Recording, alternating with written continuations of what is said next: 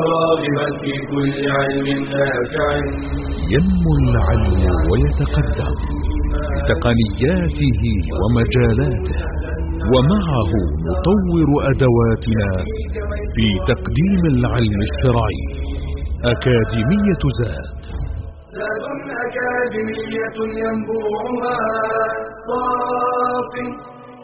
صاف ليروي غلة الظمآن والسنة الغراء شارحة له. فهما لنا من ربنا وحيان. بشرى لنا زاد أكاديمية للعلم كالأزهار في البستان. بسم الله الرحمن الرحيم. الحمد لله رب العالمين والصلاة والسلام على أشرف المرسلين نبينا محمد صلى الله عليه وعلى آله وصحبه وسلم تسليما كثيرا. أما بعد سلام الله عليكم ورحمته وبركاته. حياكم الله بياكم وجعل الجنة مثوانا ومثواكم في لقاء متجدد آخر مع مادة الحديث الشريف ومع الحديث السابع عشر وهذا الحديث أيضا من الأحاديث المتفق عليها حديث أنس بن مالك رضي الله عنه وأرضاه. حديث جميل جدا جدا جدا وفيه من الفوائد الكثيرة. يقول صلى الله عليه وسلم: ثلاث من كن فيه فقد وجد بهن حلاوة الإيمان. ثلاث من كن فيه وجد حلاوة الإيمان أن يكون الله ورسوله أحب إليه مما سواهما. أن يكون الله ورسوله أحب إليه مما سواهما.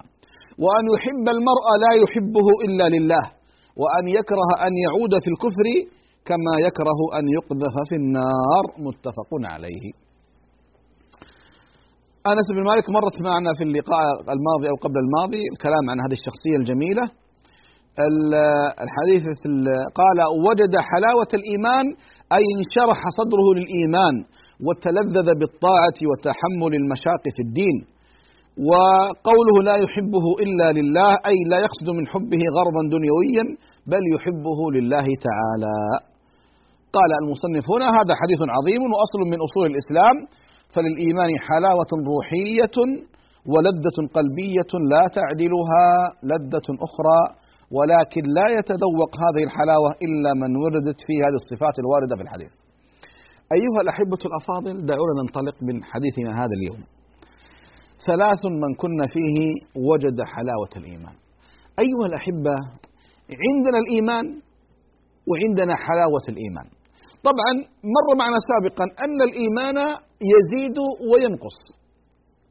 الإيمان قول وفعل واعتقاد. ها؟ يزيد بالطاعة وينقص بالمعصية. وهذا هو منهج أهل السنة والجماعة أن الإيمان يزيد وينقص. الأعمال الصالحة تزيد السيئات المعاصي تنقصه. ومر معنا سابقا حديث النبي صلى الله عليه وسلم الإيمان بضع وستون أو بضع وسبعون شعبة أعلاه لا إله إلا الله وأدناه إماطة الأذى عن الطريق ثم قال والحياء شعبة من الإيمان. طبعا الحياة أو مراتب الدين عندنا مرتبة الإسلام وعندنا مرتبة الإيمان وعندنا مرتبة الإحسان. والإيمان أيها الأحبة كما قلت لكم هو يتفاوت بتفاوت الأعمال الصالحة. وكلما الإنسان ترقى في الأعمال الصالحة أيها الأحبة كلما تزود من الإيمان وتزود وتزود حتى يصل إلى مرتبة عظيمة مرتبة الإحسان أن تعبد الله كأنك تراه فإن لم تكن تراه فإنه يراك. وهذه المرتبة هي التي يصل فيها الإنسان إلى حلاوة الإيمان. التلذذ بالإيمان وبأعمال الإيمان وبالطاعات وبالقربات. هذه الحلاوة فعلا التي أيها الأحبة أتمنى أن نشحذ الهمم أن نجاهد أنفسنا أن نصل إلى حلاوة الإيمان. يقول صلى الله عليه وسلم ذاق طعم الإيمان من رضي بالله ربا وبمحمد رسولا أو وبالإسلام دينا وبمحمد صلى الله عليه وسلم نبيا ورسولا. ذاق طعم الإيمان. فحلاوة الإيمان تلك الحلاوة التي يستشعرها الإنسان من تدينه ومن علاقته بالله سبحانه وتعالى ومن أعماله الصالحة سواء القلبية أو الجوارح أو الأقوال. فالإنسان حينما يترقى في هذه العبادات أيها الأحبة حينما يتزود حينما حينما حينما يصل إلى حلاوة الإيمان. حلاوة الإيمان تجعل الإنسان يضحي بكل غالي ونفيس من أجل هذا الإيمان. ربما قدم روحه على كفه رخيصة في سبيل الله بسبب الإيمان وحلاوته. وفعلا حينما تقرأ عن سير بعض السلف الصالح أيها الأحبة كيف أوذوا في الله؟ كيف تحملوا ما تحملوا في جنب الله وفي ذات الله وكان على قلوبهم كما نقول نحن كالعسل. ابدا. يعني تجد الواحد منهم يؤذى في سبيل الله أذية عظيمة جدا. تجده آه، يسجن في سبيل الله يجلد في سبيل الله ربما فعلت به الأفاعيل ومع ذلك تجده صابرا راضيا مقبلا على الله غير مدبر محتسبا. هنا الإيمان لما يستقر في القلب أيها الأحبة. الصحابة رضوان الله عليهم ضربوا أروع الأمثلة في هذا الباب. ضربوا أروع الأمثلة. السلف الصالح رضي الله عنهم كذلك ضربوا أروع الأمثلة في هذا الباب. علماء الأمة سلفا وخلفا ضربوا أروع الأمثلة في هذا الباب. ومع ذلك تجد الواحد منهم يصبر يحتسب آه، يصابر ربما يعرض يعرض على السيف مرار وتكرار. ومع ذلك صابر محتسب آه، لا يمكن أن يتنازل عن مبادئه عن عقيدته عن دينه عن قرآن ربه عن سنة نبيه ابدا. ليش؟ وجد حلاوة الإيمان. أذكر ابن تيمية رحمه الله لما أدخل السجن وأغلق عليه تبسم قال ماذا يصنع أعدائي بي؟ إن سجني خلوة وإن قتلي شهادة وإن نفي سياحة أنا جنتي وبستاني في صدري أنا ذهبت فهي معي. سئل أحد العلماء رحمه الله عن أجمل أيام حياته هو من علماء المعاصرين فقال أجمل أيام حياتي في السجن وأسأل الله ألا تعود. طبعا السجن كان في أحد الدول العربية نسأل الله عز وجل أن يصلح احوال المسلمين. كان يلاقي من التعذيب الشيء الكبير. ومع ذلك كان يقول أجمل أيام حياتي في السجن وأسأل الله ألا تعود. أحمد بن حنبل رحمه الله الإمام المبجل أحمد بن حنبل إمام أهل السنة والجماعة كم جلد؟ يعني حتى أحد الجلادين يقول والله لقد جلدت الإمام أحمد جلدا لو جرد به بعير لمات بعير لمات فكان يقول يقول آية من كتاب الله أو حديث من رسول الله صلى الله عليه وسلم. آه، حقيقة تقرأ تقرأ عن السلف الصالح آه، شيء عجب عجاب. ما الذي يجعلهم يتحملون؟ يضحون، يصبرون، يتحملون آه الإيمان، حلاوة الإيمان، لذة الإيمان. الصحابة يا إخواني. بلال رضي الله عنه وأرضاه بلال عذب تعذيبا شديدا جلد سجن آه، وضع يعني في لهيب مكة ووضعت عليه صخور مكة صخور الحارة الهضاب الكبيرة منع من الطعام والشراب فعلت به الأفاعيل رضي الله عنه وأرضاه صبر لما سئل بلال كيف كنت تتحمل هذا؟ جاء في بعض الروايات يقول مزجت حلاوة الإيمان بمرارة العذاب فطغت حلاوة الإيمان على مرارة العذاب فما أصبحت أشعر بشيء. فعلا. لما حلاوة الإيمان تزيد في النفس أيها الأحبة والله مهما يصاب الإنسان بابتلاءات أنها على قلبه مثل العسل. أبو بكر بن النابلسي رحمه الله من العلماء الذين ضحوا بأرواحهم. وقف في وجه جوهر الصقلي ده قائد الدولة العبيدية الفاطمية الباطنية. وأفتى بأنهم يقاتلون قبل اليهود والنصارى. فجاء به جوهر الصقلي وحاول أن يهدد أن يعود عن هذه الفتوى ما عاد. فأمر به فصلب على جذع. ثم جلد فلم يعد. فأمر جنديا أو آه، جزارا يهوديا أن يسلخه حيا. فسلخ حيا. تخيلوا رجل يسلخ حيا وهو لا يزيد عن قراءة القرآن وذكر الرحمن. فأدركت اليهود الشفقة. فوكزه بخنجره في قلبه فقضى عليه. وهو ثابت. ما الذي جعله يتحمل هذا أيها الأحبة؟ آه الإيمان وحلاوة الإيمان. يقتل الرجل في سبيل الله فيصيح فزت بها ورب الكعبة. هذه الأمور الثلاثة أيها الأحبة عندنا في هذا الحديث ترى تحتاج كل واحدة تحتاج حلقة وثنتين وثلاث أنا لا أبالغ. لكن دعونا نمر عليها مرورا ثم نقف بعد الوقفات التي في الكتاب. يعني أول صفة إذا أردت أن تجد هذه الحلاوة أول صفة. قال أن يكون الله ورسوله أحب إليه مما سواهما. مر معنا في لقاءات كثيرة أيها الأحبة. قضية الحب الصادق لا الحب المزيف المزعوم.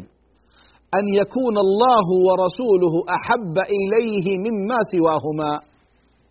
بمعنى أن تحب الله محب محبة صادقة. هذه المحبة تدعوك للعمل. وتحب رسول الله صلى الله عليه وسلم محبة حقيقية. وبالمناسبة ما تذكر هاتان المحبتان في القرآن إلا مقترنتين ببعضهما ببعض. دائما الله عز وجل ذكر محبته ثناها بمحبة رسوله صلى الله عليه وسلم. قل إن كان آباؤكم وأبناؤكم وإخوان وإخوانكم وأزواجكم وعشيرتكم وأموال اقترفتموها وتجارة تخشون كسادها ومساكن ترضونها أحب إليكم من الله ورسوله. وجهاد في سبيله فتربصوا حتى يأتي الله بأمره. إن الله لا يهدي القوم الفاسقين. والله لا يهدي القوم الفاسقين. أقول أيها الأحبة هاتان المحبتان لا تنفصلان أبدا. هما الأساس في قلبي وقلبك وقلب كل مسلم. أن يكون الله ورسوله أحب إليه مما سواهما. بمعنى أن تحب الله المرتبة الأولى المرتبة الثانية ثم تأتي محبة رسول الله صلى الله عليه وسلم المتعلقة بالمحبة الأولى ها؟ ثم بعد ذلك أحب من شئت. فإذا جاءت المحبة الأولى والثانية تبعها كل خير بإذن الله تعالى. أن يكون الله ورسوله. معنى ذلك أن يكون في قلبك القرآن والسنة. أن تحب الله المحبة الحقيقية المطلوبة منك. أن تحب رسول الله صلى الله عليه وسلم المحبة الحقيقية المطلوبة منك. والتي كما قلت عمادها وأساسها وظاهرها وباطنها وقبلها وبعدها المتابعة للنبي صلى الله عليه وسلم في القول والفعل والاعتقاد. تعصي الإله وأنت تزعم حبه هذا لعمري في القياس شنيع. لو كان حبك صادقا لأطعته إن المحب لمن يحب مطيع. فبالتالي أيها الأحبة نطيع الله عز وجل ورسول الله صلى الله عليه وسلم. كمال الطاعة وتمام المتابعة ولهذا قال ابن قدامة من أحب الله لا يعصيه. ومراده أن الحب الإلهي الكامل يحول دون المعصية لأن حلاوة الإيمان وحب الله تمنع من كل ما يغضب الله سبحانه وتعالى. بالمناسبة أيها الأحبة يعني محبة الله ينبغي أن تكون عن معرفة. بمعنى أنه من عرف الله حق المعرفة أحبه حق المحبة. إنما يخشى الله من عباده العلماء. ليش يا إخواني؟ العلماء أشد الناس خشية لله لأنهم يعرفون الله بأسمائه وصفاته. ولذلك يقولون من كان بالله أعرف كان له أخوف. فإذا أردت أن يكون الله سبحانه وتعالى أحب إليك من كل شيء هاو من نفسك أن تعرف الله عز وجل. اعرف الله عز وجل بأسمائه. وصفاته وأفعاله وما يليق به وما لا يليق به حينئذ ستحبه شئت أم أبيت. ثم رسوله صلى الله عليه وسلم وما قد تكلمنا عن هذا في لقاءات سابقة. أيها الأحبة فاصل ثم نعود إليكم بإذن الله تعالى وصلى الله على محمد.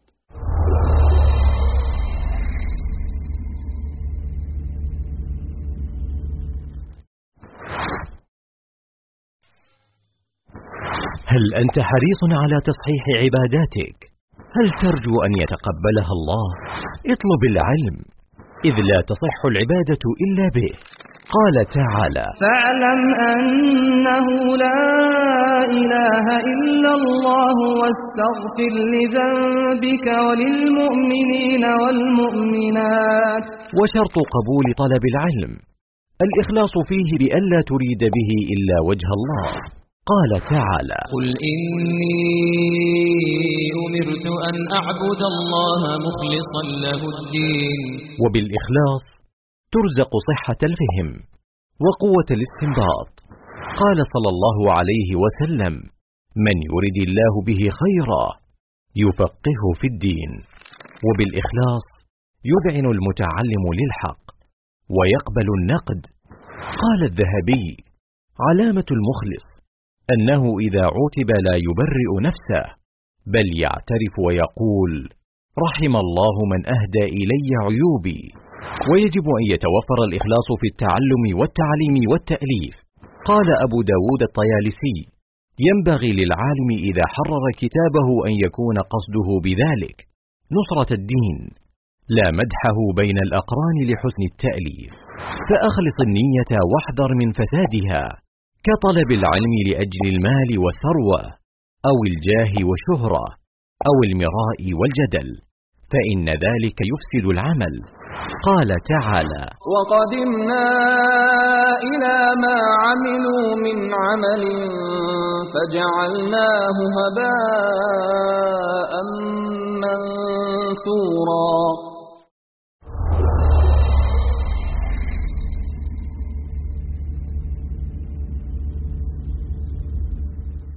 بسم الله الرحمن الرحيم الحمد لله والصلاة والسلام على رسول الله أيها الأحبة الأفاضل الخصلة الأولى أن يكون الله ورسوله أحب إليه مما سواهما لا ولد يقدم ولا والد ولا زوجة ولا مال ولا عشيرة ولا منصب ولا ولا شيء الله ورسوله صلى الله عليه وسلم أحب إليهما مما إليه مما سواهما. فهذا الأساس أيها الأحبة الأساس للمحبة في قلوبنا أن يكون الله ورسوله. لأن هذه المحبة يا أخواني ترى ستدفع. هذه المحبة ستجعلك تعمل وتتعبد لله وتستن بهدي رسول الله صلى الله عليه وسلم وتتابع رسول الله صلى الله عليه وسلم. فدائما المحبة يا أخواني محركة. المحبة محركة للشخص للتعبد للاتباع للمواصلة للثبات للتضحية. طيب هذه واحدة. الثانية أيها الأحبة قالوا أن يحب المرء لا يحبه إلا لله. يا سلام. أين الحب في الله والبغض في الله أيها الأحبة؟ أين الحب في الله يا أمة محمد؟ يا أيها الناس. عبادة عظيمة جدا أجرها عظيم جدا. لا تكلفنا شيء كثير لكن الأجر فيها عظيم عظيم وأي عظمة. الحب في الله. يا أخي اسأل نفسك متى رأيت إنسانا ورأيت فيه سماء الصلاح سماء الخير والتدين فأعجبت به وقلت يا أخي أنا أحبك في الله. متى قلت هذا؟ الشيطان يأتي إلينا يا إخواني فيثقلها علينا ويغفلنا عنها. لا يا أخي. يا أخي إن للمتحابين عند ربهم يقول صلى الله عليه وسلم إن للمتحابين عند ربهم منابر من نور يغبطهم عليها الأنبياء والشهداء والصديقون. منابر. هذه المنابر ليست لأنبياء ولا لشهداء ولا لصديقين. هذه المنابر للمتحابين في الله. تعرف ماذا رأس أو ما هو رأس مالها؟ رأس مالها أنك ترى أخ في الله صاحب دين صاحب سمت صاحب عبادة فتقول يا أخي أنا أحبك في الله. وأنت صادق. أنت ما تريد دنيا. ما تريد مصلحة من مصالح الدنيا. أنت تريد بذلك وجه الله. الله سبحانه وتعالى يقول وجبت محبتي. وجبت محبتي للمتحابين فيا والمتجالسين فيا والمتزاورين فيا والمتذاكرين فيا. وجبت. فيا أخواني أخواتي الكريمات دعونا نظهر هذه هذه العباده الجميلة الحب في الله. من من أوثق عرى الإيمان أن تحب في الله وأن تبغض في الله. يعني مع الأسف الناس الآن صاروا يحبون ها ويوالون في الدنيا. فلان صاحب منصب فلان صاحب مال فلان صاحب شهرة. آه فيبدأ الحب والإطراء والثناء. لا يا أخي ترى ما تنفعك عند رب العالمين. ما ينفعك عند رب العالمين إلا المحبة القلبية الصادقة الناتجة عن حب في الله. وجبت محبتي. يا الله يا إخواني ما أجملها وما أعظمها. يعني ذلك الرجل الذي ذهب يزور أخا له في قرية. فأرسل الله على طريقه ملك. قال أين أنت؟ ذاهب؟ قال أزور أخلي في الله أحبه في الله. قال هل له نعمة عليك تربها أو حاجة؟ قال لا ولكني أحبه في الله. فقال أنا رسول الله إليك أخبرك أن الله أحبك بحبك إياه كما جاء في الحديث. يا أخي اسأل نفسك متى ذهبت؟ تكلفت إلى إنسان وزرته في بيته في بلده في قريته لله وفي الله. ترى كان السلف يصنعونها. وكان كثير من الناس إلى وقت قريب بعد أن قطعتنا هذه وسائل الاتصالات عن بعضنا. أصبح الآن واتساب ولا ولا رسالة ولا كذا وترسل رسالة وانتهينا. جوال. لا يا أخي. خلونا نتزاور في الله. وجبت محبتي للمتحابين في والمتزاورين في والمتجالسين في. أهل الدنيا يجلسون من أجل مصالحهم. أهل الدين لا يجلسون من أجل الله سبحانه وتعالى. وأن يحب المرء لا يحبه إلا لله. يا سلام. ما أعظمها حينما تنتشر في المجتمع المسلم. يصبح كالأسرة الواحدة. تزورني في الله وأزورك في الله. نتجالس نذكر الله سبحانه وتعالى. نريد وجه الله سبحانه وتعالى. لا نريد دنيا ولا نريد أمر من هذه الأمور الفانية. نريد وجه الله سبحانه وتعالى. أحبابي في الله. دعونا نفعلها. الحب في الله. الحب أن تحب أخاك في الله. من أجل الله سبحانه وتعالى. الله أكبر. النبي صلى الله عليه وسلم كان عنده أحد الصحابة فمر رجل فقال يا رسول الله إني أحب فلانا في الله. فقال أخبرته؟ قال قال قم فأخبره. فذهب قال يا فلان أنا أحبك في الله. قال أحبك الله الذي أحببتني فيه. هذه السنة. أنا دائما أقوم يعني بعض الأوقات في في المساجد أو في بعض المجالس الخاصة. فأقول يا إخواني يعني أطلب منكم جزاكم الله خير. يعني كل واحد يلتفت يمين ويسار فيقول لأخيه اللي يعني يمين أنا أحبك في الله. قول على يسار أنا أحبك في الله. سبحان الله. كيف يظهر ذلك الجو الإيماني الجميل؟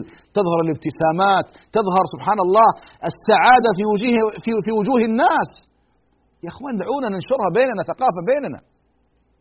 إني أحبك في الله. أشهد الله على محبة عباده الصالحين فيه. لذلك أيها الأحبة فعلا ما تكلفنا شيء. يا أخي أنا أحبك في الله. بس انتهت القضية. انظر كم ستنال من الأجر الوفير العظيم الكثير عند رب العالمين سبحانه جل في علاه. أن يحب المرء لا يحبه إلا لله. طيب الخطرة الثالثة أيها الأحبة. قال وأن يكره أن يعود في الكفر كما يكره أن يقذف في النار. يا سلام. أبعد نور الهداية نور يا إخواني؟ أبعد هذا الإسلام مجال لأن الإنسان يتردد فيه؟ مجال لأن الإنسان يترك هذا الدين وينكس على عقبيه. أين عقولنا؟ والله لا يمكن العاقل أن يفرط في دين الله سبحانه جل في علاه. بل الإنسان يا إخوان يحمد الله سبحانه وتعالى.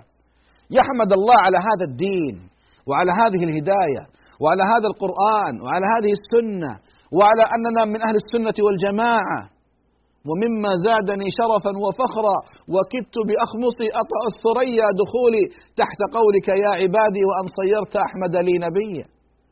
يا أخواني نعمة أنك عبد لرب العالمين سبحانه لملك الملوك لصاحب العزة والجبروت. أنت عبد لله غيرك عبد لشهواته غيرك عبد لدنياه غيرك عبد لماله غيرك عبد للصنم غيرك عبد للشهوات والشياطين والملذات. أنت عبد لله عز وجل. ما عرفنا هذه القيمة؟ إذا كان غيرك يسجد للبقر أو للحجر أو للشجر أنت تسجد لله سبحانه وتعالى خالق كل شيء. أنت ربك الله الذي بيده كل شيء. إن ربكم الله الذي خلق السماوات والأرض في ستة أيام ثم استوى على العرش يغشي الليل النهار يطلبه حثيثا والشمس والقمر والنجوم مسخرات بأمره. ألا له الخلق والأمر تبارك الله رب العالمين. يا الله يا الله هل يمكن للإنسان أن ينزل إلى الحضيض بعد أن أكرمه الله؟ هل يمكن لإنسان أن يختار الظلماء والإعوجاج والضياع بعد أن وجد نور الإيمان وسلامة المنهج وصحة الاعتقاد؟ من يرضى بهذا؟ والله ما يرضى به إلا إنسان عنده خلل في عقله أو في رشده. لذلك أيها الأحبة الأفاضل نعمة وأي نعمة أن تكون عبدا لله سبحانه أن تكون عبدا له موافقا لهدي رسوله صلى الله عليه وسلم أن تؤمن بالله وملائكته وكتبه ورسله واليوم الآخر والقدر خيره وشره أن تؤمن بأركان الإسلام أن أن تعرف أنت لماذا خلقت وأين ستصير. وماذا أعده الله سبحانه وتعالى لك يوم القيامة؟ والله غيرنا ضائع يا إخواني. غيرنا يقول جئت لا أدري من أين أتيت ولقد أبصرت قدامي طريقا فمشيت وسأظل ماشيا شئت هذا أم أبيت؟ كيف جئت؟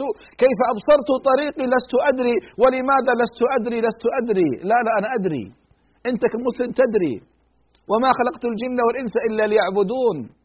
ما أريد منهم من رزق وما أريد أن يطعمون. إن الله هو الرزاق ذو القوة المتين.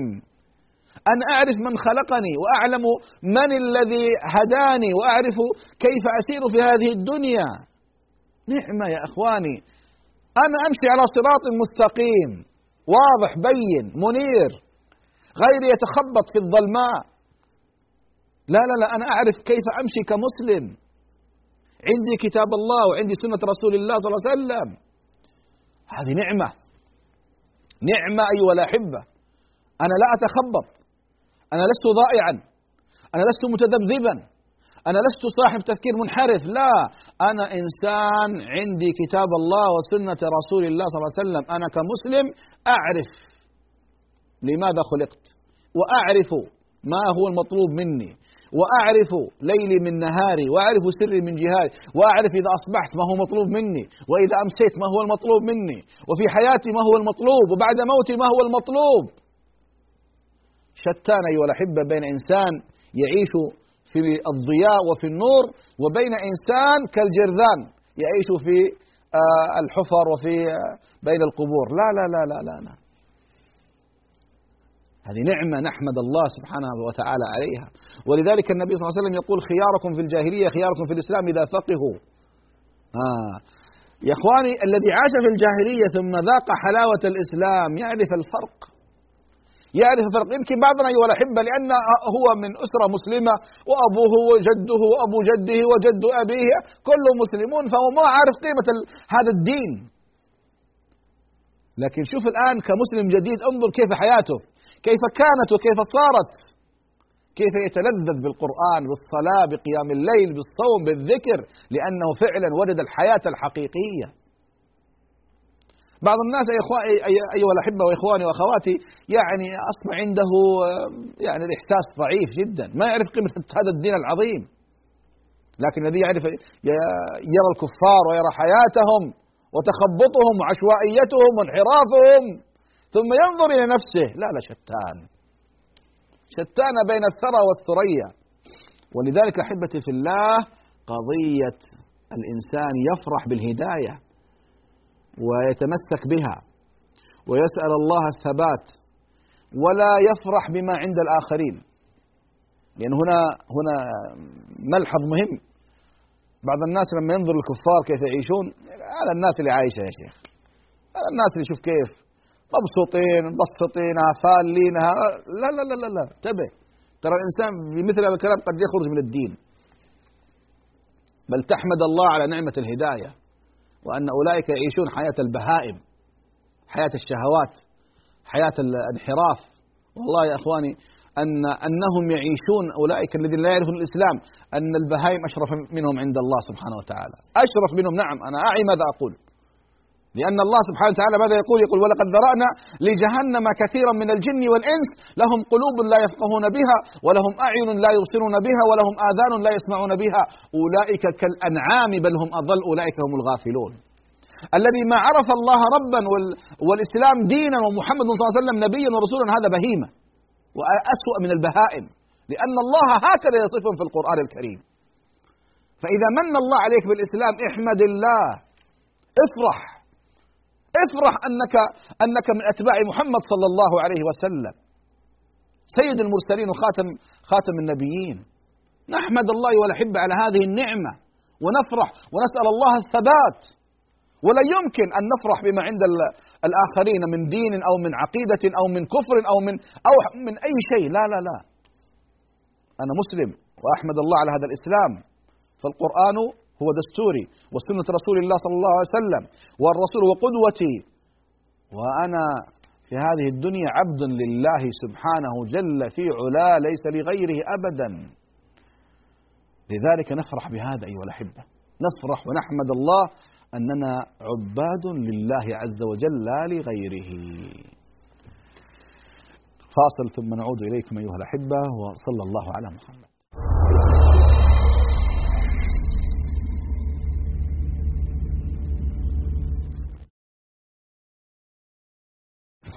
ربما تحب أحد الأبناء أو البنات أكثر من إخوتهما إما لبره أو أدبها أو غير ذلك.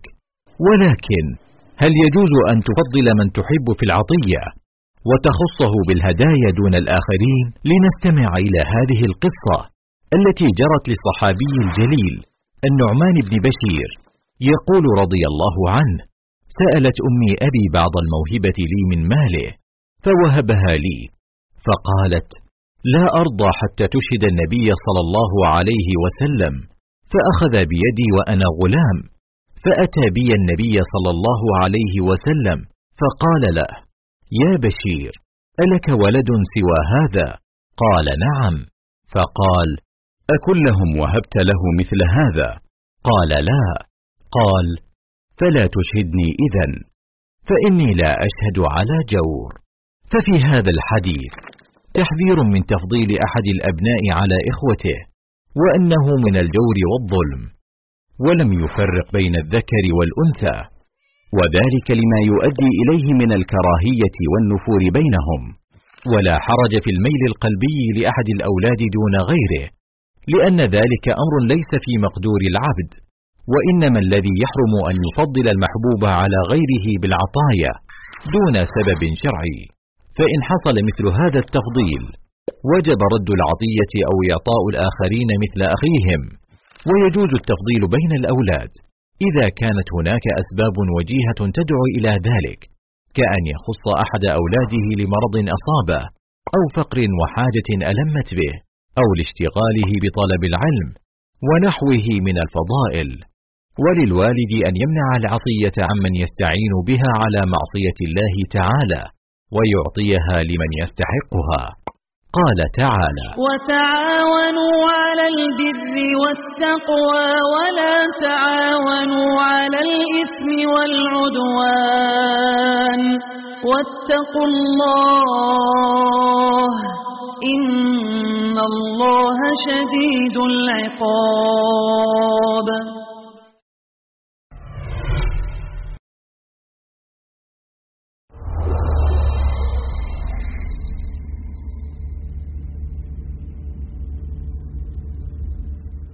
بسم الله الرحمن الرحيم. الحمد لله والصلاة والسلام على رسول الله. ما زلنا أيها الأحبة مع هذا الحديث السابع عشر وملمح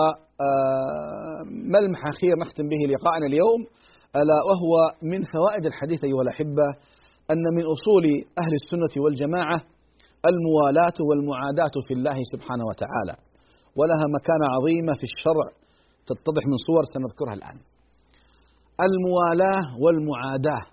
بمعنى أيها الأحبة أن نحب في الله وأن نبغض في الله. لماذا؟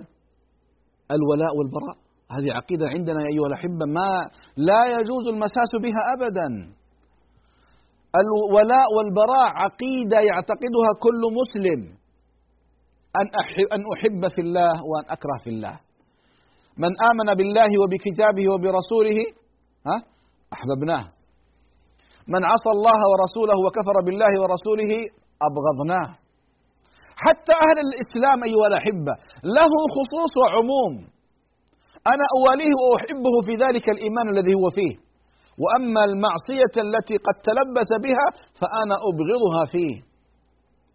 هذه هذه مسألة أيها الأحبة ما فيها مداهنة.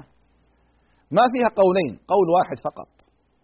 فالولاء والبراء أن نوالي أهل الإيمان وأن نتبرأ من أهل الكفر والطغيان. أولا الموالاة والمعاداة أنها جزء من شهادة لا إله إلا الله. فإن معناها البراءة من كل ما يعبد من دون الله سبحانه وتعالى كما قال الله أن اعبدوا الله واجتنبوا الطاغوت. فإذا الذي لا يعبد الله سبحانه وتعالى أنا أتبرأ منه ولو كان من أقرب الناس إلي ما فيها يعني ما فيها قولان هي مفاصلة. وهكذا كان الصحابة رضوان الله عليهم. قضية أن الواحد يكفر بالله خلاص انتهينا. ولو كان ابني ولو كان أبي ولو كان أخي. لا. قضية مفصلية في حياة المسلم. ثانيا هذه الموالاة والمعاداة. أنها من أوثق عرى الإيمان. قال النبي صلى الله عليه وسلم أوثق عرى الإيمان الموالاة في الله والمعاداة في الله والحب في الله والبغض في الله. أوثق عرى الإيمان. إذا هذه قضية لها علاقة بالإيمان علاقة قوية جدا جدا جدا. ثالثا أن الموالاة والمعاداة في الله سبحانه وتعالى هي سبب لتذوق حلاوة الإيمان ولذة اليقين. تريد حلاوة الإيمان؟ لذة اليقين والسعادة الحقيقية أحب في الله وأبغض في الله. يا إخواني حينما نقول حب في الله وبغض في الله أنت لم تترك لنفسك اجتهادات خاطئة فيك. يمكن آه، تذهب إلى قول غير آه، يعني غير غير منطقي. يمكن يتبع هوى في نفسك. لا لا لا لا. ترى أنا أحب وأبغض وفق الكتاب والسنة. هنا أنا ترفعت عن حظوظ النفس. ترفعت عن الأهواء والرغبات الداخلية. فاصبحت حتى مشاعري الداخلية مضبوطة ها بالكتاب والسنة. ما في اجتهاد شخصي. حتى نقول إيش؟ نقول هذا المجتمع يقوم على كتاب الله وسنة رسول الله صلى الله عليه وسلم. فلما أقول أحب في الله وأبغض في الله اذا النزعات النفسية الاجتهادات الخاطئة ضربت بها عرض الحائط. إنما أنا أتمشى وفق الكتاب والسنة. رابعا أن بتحقيق هذه العقيدة يستكمل الإيمان. فقد قال صلى الله عليه وسلم من أحب لله وأبغض لله وأعطى لله ومنع لله فقد استكمل الإيمان. اذا حياتي وحياتك وحياتنا كلنا أيها الأحبة تكون لله وفي الله. أحب في الله أبغض في الله أعطي في الله. أمنع في الله. اذا أنا في هذه الأمور لم أستند إلى أهوائي الشخصية. اجتهاداتي الشخصية التي قد تكون خاطئة. إنما أنا كل تعاملاتي حبي بغضي إعطائي أخذي منعي هو بسبب الكتاب والسنة. هنا هل لأحد أن يعترض علي؟ لا يمكن. هل يمكن أن أنحرف في الطريق؟ لا يمكن. إذا كانت معاملاتي عباداتي اعتقاداتي تصرفاتي لله وفي الله لا يمكن أن أنحرف ابدا. اقرأوا التاريخ. انظروا ستجدون فعلا فعلا فعلا أيها الأحبة من كانت حياته قائمة على الكتاب والسنة فهو إنسان مهتدي ويمشي على صراط مستقيم. المشكلة فين؟ المشكلة إذا كانت تركت الكتاب والسنة وبديت على أهواء الرجال وآراء الرجال. لا لا لا لا. سيصبح الإنسان يتبع عقول البشر وعقول البشر الأصل فيها أنها أنها غير كاملة غير كاملة. يقسم أهل السنة والجماعة والأحبة الناس في الموالاة والمعاداة إلى ثلاثة أقسام. أولا من يستحق الولاء المطلق. تواليه مطلقا. قال وهم المؤمنون الذين آمنوا بالله ورسوله صلى الله عليه وسلم وقاموا بشعائر الدين مخلصين له تعالى سبحانه وتعالى. إنما وليكم الله ورسوله والذين آمنوا الذين يقيمون الصلاة ويؤتون الزكاة وهم راكعون. ومن يتولى الله ورسوله والذين آمنوا فإن حزب الله هم الغالبون. على رأس هؤلاء والأحبة ها؟ القسم هذا على رأسهم من؟ صحابة رسول الله صلى الله عليه وسلم. على رأس هؤلاء الصحابة الكرام ومن سار على نهجهم. التابعين وتابع التابعين ومن سار على نهجهم. فانتبهوا لا يجيني واحد يقول أنا من أهل السنة والجماعة وينتقص أحد الصحابة لا انتبه. الولاء المطلق لصحابة النبي صلى الله عليه وسلم دون استثناء. ومن سار على نهجهم. فهؤلاء ولاء مطلق أيها الأحبة.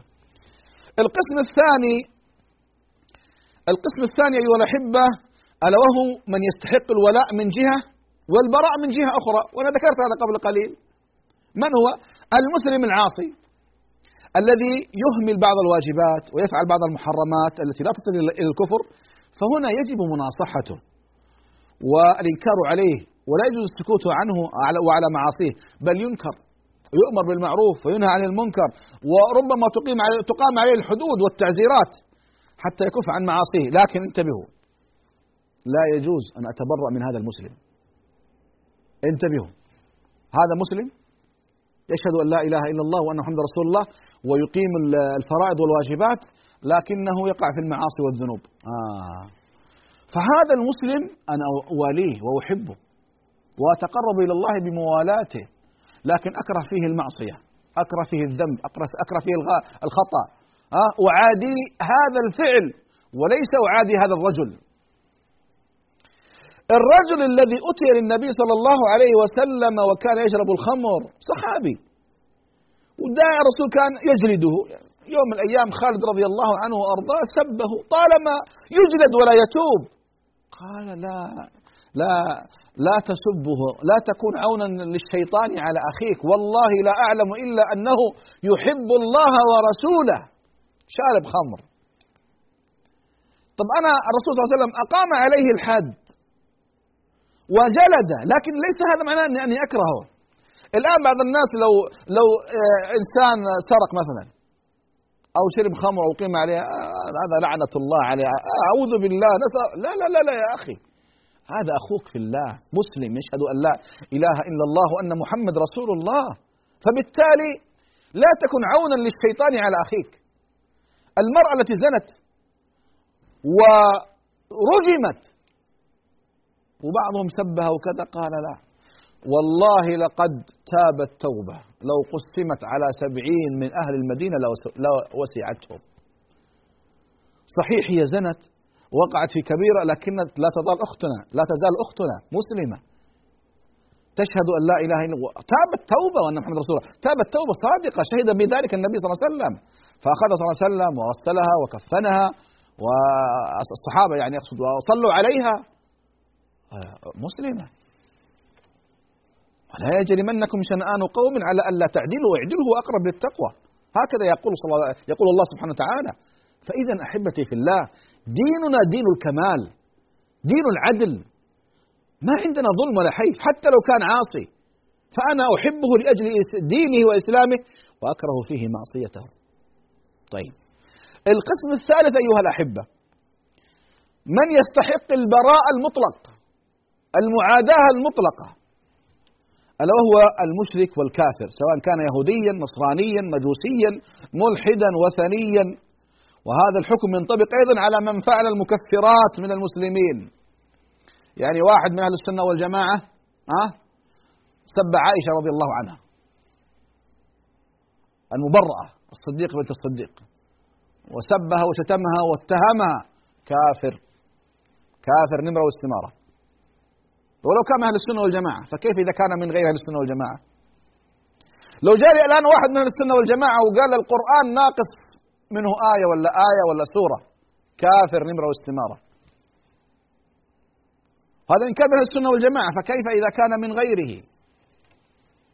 لو جاني واحد الآن وزعم أنه يعلم الغيب أو أن فلان يعلم الغيب وهو مصدق بهذا كافر خارج من الملة. وإن كان من أهل السنة والجماعة فكيف إذا كان من غيره؟ إذا نحن عندنا ثوابت أيها الأحبة لا نرضى المساس بها. الله عز وجل جعلها ثوابت أمور مفصلية لا يجوز المساس بها لا من قريب ولا من بعيد. فلما يجيني واحد يزعم أن الله سبحانه وتعالى مثلا آه، بدا له أمر بدا له أمر هو مثلا مثلا وهذه عقيدة والعياذ بالله يقول أهل البدع وأهل الكفر بدا له. كيف بدا له؟ بدا له لي أنا وأنت كبشر. أريد أن أشرب الشاي ثم رج- أرجعت الكوب هنا. ها هذا بدا لي بشر. لكن الله عليم حكيم ما يبدو له. الله عليم يفعل ما ما ما يشاء. وبعض الناس يقول لا بدا له. لا ما بدا له. الله سبحانه وتعالى لا يبدو له. الله عليم يفعل ما يشاء. فالذي يقول أن الله أن القرآن ناقص مثلا أو أن عائشة رضي الله عنها كذا لا لا لا انتبه. ولو كان من أهل السنة والجماعة فكيف إذا كان من غيرها؟ فاذا الكفار من فعل أمرا مكفرا من المسلمين نتبرأ إلى الله منه ولا, حول ولا قوة إلا بالله. آه أيها الأحبة حتى المعاداة في الله تقتضي أمور بغض الكفر وأهله وإضمار العداوة لهم، عدم اتخاذ الكفار أولياء وعدم مواداتهم وم- ومفاصلتهم كاملة، طبعا هذا كما قلت أيها الأحبة المعاداة هنا لا تعني الظلم والحيف. أنا أعاديهم لكن لا أظلمهم. هذا حكم من كتاب الله وسنة رسول الله. هجر بلاد الكفر عدم السفر إليها إلا لحاجة. عدم التشبه بهم فيما هو من خصائصهم دينا ودنيا. آه، ألا يناصر الكافر على المسلم. آه، ألا نشاركهم أفراحهم وأعيادهم آه، ولا وثنياتهم. ألا نستغفر لهم ولا نترحم عليهم. كفار. إذا أيها الأحبة مبدأ الو- الولاء والبراء مبدأ عظيم في ديننا لا يجوز المساس به. وهذا مما تميز به أهل السنة والجماعة. حديث يحتاج كما قلت في أول لقاء إلى لقاءات طويلة. لكن كما يقولون يكفي من القلادة ما أحاط بالعنق. أسأل الله سبحانه وتعالى بأسمائه وصفاته أن يجعلنا مفاتيح خير مغاليق شر وأن يجعلنا ميسرين ولا يجعلنا معسرين وأن يجعلنا مبشرين ولا يجعلنا منفرين. أسأل الله عز وجل أن يستعملنا في طاعته. وصلى الله على محمد وعلى آله وصحبه وسلم. والحمد لله رب العالمين. يا راغبا في كل علم نافع متطلعا لزيادة الإيمان وتريد سهلا النوال ميسرا يأتيك ميسورا بأي مكان. زاد زاد أكاديمية ينبوعها. صاف صاف ليروي غلة الظمآن. والسنة الغراء شارحة له. فهما لنا من ربنا وحيان. بشرى لنا ذات أكاديمية للعلم كالأزهار في البستان.